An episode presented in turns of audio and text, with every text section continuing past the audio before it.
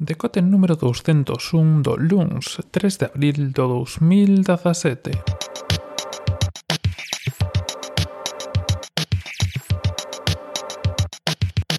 Vos días e benvidos a este novo decote Empezar dicindo que moitas grazas a todos por seguir aquí un día máis Moitísimas grazas polo último episodio que foi feito coas vosas colaboracións E que se non os coitastedes, estades a tempo e de o vosso podcatcher Dades o anterior episodio e aí o tedes xa listo, preparado para escoitar. Non vos lo perdades, máis que nada porque falo eu pouco, fala moito outra xente e eu penso que eso sempre é algo que gusta, sobre todo despois de 200 programas escoitándome a min únicamente todos e cada día. Bueno, dito isto, pasamos ao tema de hoxe. A verdade que me costou un pouco atopar tema para hoxe porque, bueno, non houve moitas novas últimamente, a saída do Galaxy S8 que tamén tedes por aí, xusto o episodio anterior ocupou moitísimas novas, moitísimas portadas, moitísimo tempo. Así que hoxe eh, estuve facendo un pouco de, de retrospectiva, vendo un pouco que se está movendo, e imos volver a falar dunha desas redes sociais. Ademais, isto trouxeme un pouco o último podcast de Ona Solar, o noso podcast LAR, eh, onde falou un pouco da atención que dan eh, as cableiras por Twitter. E eh, falando desto, viume a cabeza algunha das novas que saía en Mixio, que non sei se coñecedes, un podcast e unha newsletter chega pois de forma semanal, igual que o decote, cada día da semana, de luns a venres, e falaban xustamente de eh, Twitter e de un pouco da necesidade da monetización. Creo que falamos algunha vez xa por aquí desto, xa sabedes que están facendo cambios, falamos últimamente por aquí deses cambios, pero o tema que ten ahora mesmo Twitter eh, nas mans é que non está conseguindo ter beneficios. Se falamos algunha vez do tema dos beneficios, que evidentemente Twitter está tendo ingresos, é dicir, eh, está gañando cartos a través da publicidade, non sei se vos lembrades, bueno, os anuncios que saen polo medio, eh, de cando vas a iniciar en Twitter certos tipos de campañas, cando é eh, de moita xente pois pues, poden estar aí, e outro tipo de, bueno, todo tipo de anuncios que che van saindo por, por aí, ademais de, bueno, contratos e acordos que teñen con certas cadeas para emitir as súas eh, se, bueno, series no, pero sobre todo son eventos deportivos a través de Twitter. Esas son, digamos, as formas que teñen de ter ingresos. O problema é que hai moitas seccións, hai moita xente traballando en Twitter e teñen uns gastos que son maiores que esos ingresos e o que leva a, que a non ter beneficios. Se non me equivoco, eh, Jack Dorsey, que é o, o xefe, é un dos que creou Twitter e é o que está ahora mesmo no posto de CEO, creo que se comprometeu a este ano ter beneficios. E evidentemente, pois eso vai ter que pasar por certas transicións ou certos cambios.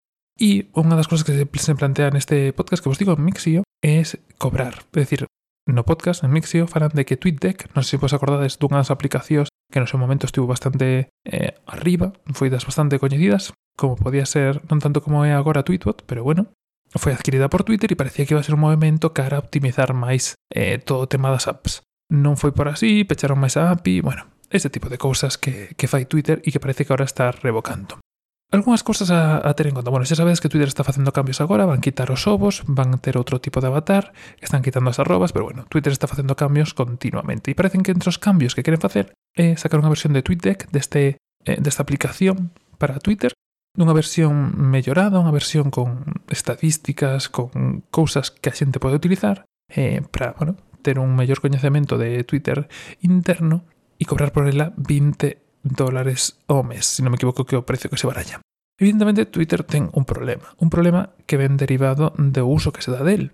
Eh, moita xente utiliza Twitter. Evidentemente hai xente como a nós que utilizamos Twitter sin fins económicos, non sacamos nin recibimos cartos polo que facemos en Twitter, pero sí que hai empresas como as que falaba Diego no seu podcast o, o outro día, o, bueno, o podcast do mes de marzo, que evidentemente utilizan Twitter como un servicio pues, de atención ao cliente. Ao final, pues, se hai moita xente en Twitter, é normal que as empresas queiran estar aí e que utilicen como servicio de atención ao cliente. E esa é unha das formas que plantexa, ou unha das formas que quizá era interesante empezar a plantexar a forma de gañar cartos. Twitter ahora mismo parece un servizo público, no sentido de que calquera pode acceder de forma gratuita e calquera pode utilizar para os fins que eles queren. Evidentemente, non se vai adaptar a eles, sino que eles se teñen que adaptar a Twitter, pero non hai nada, decir, non hai un pago nin hai nada. Cousas que plantexa Mixio, que plantexa Alex Barredo, que o que está detrás de Mixio no seu podcast. Bueno, pois pues comprar unha porcentaxe, cobrar unha porcentaxe da venta aos desarrolladores, que é unha cosa das que non me parece moi aló. É dicir, se si Tweetbot costa 12 euros, pois pues que, que Twitter se leva un, unha porcentaxe deses euros. Cobrar por non ver anuncios, que sería algo fácil e sinxelo, pero, bueno, Quero dicir, YouTube Red, non sei se sabedes, creo que falamos xa por aquí, eh, basicamente eso é o que presenta, ademais de cosas melloradas. YouTube Red, digamos que é a primeira forma de Google, que sabedes vos que necesidade de cartos ten, de poñer unha opción de non ver anuncios, ademais ter series eh, específicas como a de PewDiePie e algunha máis por aí, eh, a cambio de non ver anuncios. Non está tendo moi boa recepción, pero bueno, aí está. Outras propostas que fai tamén eh, Alex é cobrar por ser verificado. Xa sabedes que ahora, pois como que se abriu un pouco máis o tema de ser verificado. Penso que si sí, sí, cobra por ser verificado perdería un pouco sentido porque prácticamente calquera eh, pagando podería ser verificado, moita xente sería verificada e ao final entendo que ser verificado pois ten un aquel eh, que tes unha, aínda que sexa a nivel moi básico ou a nivel local ou a nivel eh, o que sexa, tes certa, certa repercusión si pasas a ser algo polo que podes pagar e ser verificado e calquera verificado, pois non sei, perde un pouco a máxia ou cambia a forma en que ver ou en que sentir ou en como o público ve a alguén que é verificado. Tamén fala de cobrar unha cuota mensual aos usuarios que quieran utilizar apps non oficiales.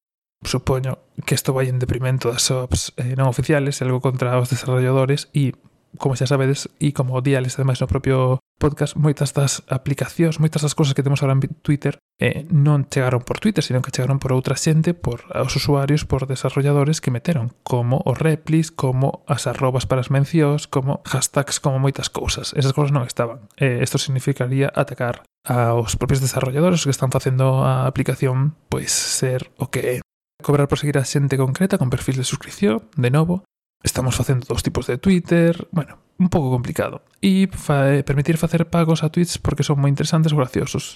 Algo así como, bueno, donacións con este tema. Vexo complicado todas estas cousas porque ao final eh, a xente está acostumbrada a utilizarlo dunha forma e é difícil facelo de outra forma. Pero tamén teria sido difícil eh, se Twitter empezase directamente cobrando por ser utilizado. Non sei se vos, vos lembrades de App, App.net, era unha aplicación que era exactamente igual que Twitter, Só que tiñas que pagar para acceder, non tiña anuncios, non tiña nada, e tiñas 256 caracteres. Se non me equivoco foi no 2012 cando se lanzou, busco un artigo que me soa que ler e deixo deixo por aí nas notas, como sempre, en podcast.algue.net para que vexades un pouco de que iba a aplicación, pero basicamente a idea era exactamente igual que Twitter, máis caracteres, porque era algo do que a xente se queixaba nese tempo, entonces, e pagabas e eh, digamos que era un, un círculo máis pechado, a xente que só pagaba sin eh, publicidade e sin nada. Evidentemente eso fracasou, fracasou tan estrepitosamente que, bueno, estamos en 2017 e non teñen nin web, non teñen nin o dominio, xa, entra así da que non sei nada, e eso depois tamén pode ser unha idea de cara onde pode ir isto.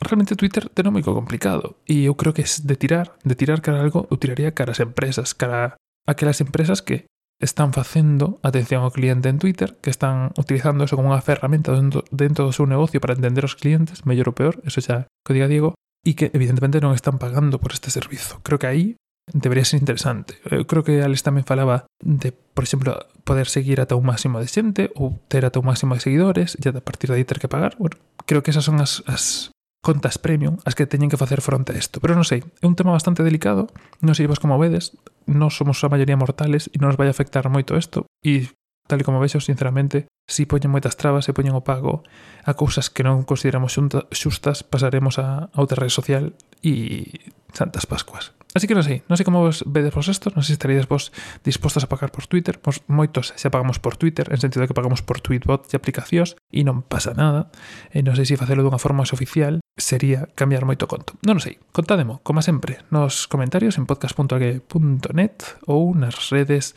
sociais que vos desedes, terás todas tamén aí no blog para contactar conmigo. De novo, moitísimas grazas por estar aí, e vémonos de novo mañá no mesmo sitio e a mesma hora. Un saúdo e ata mañá.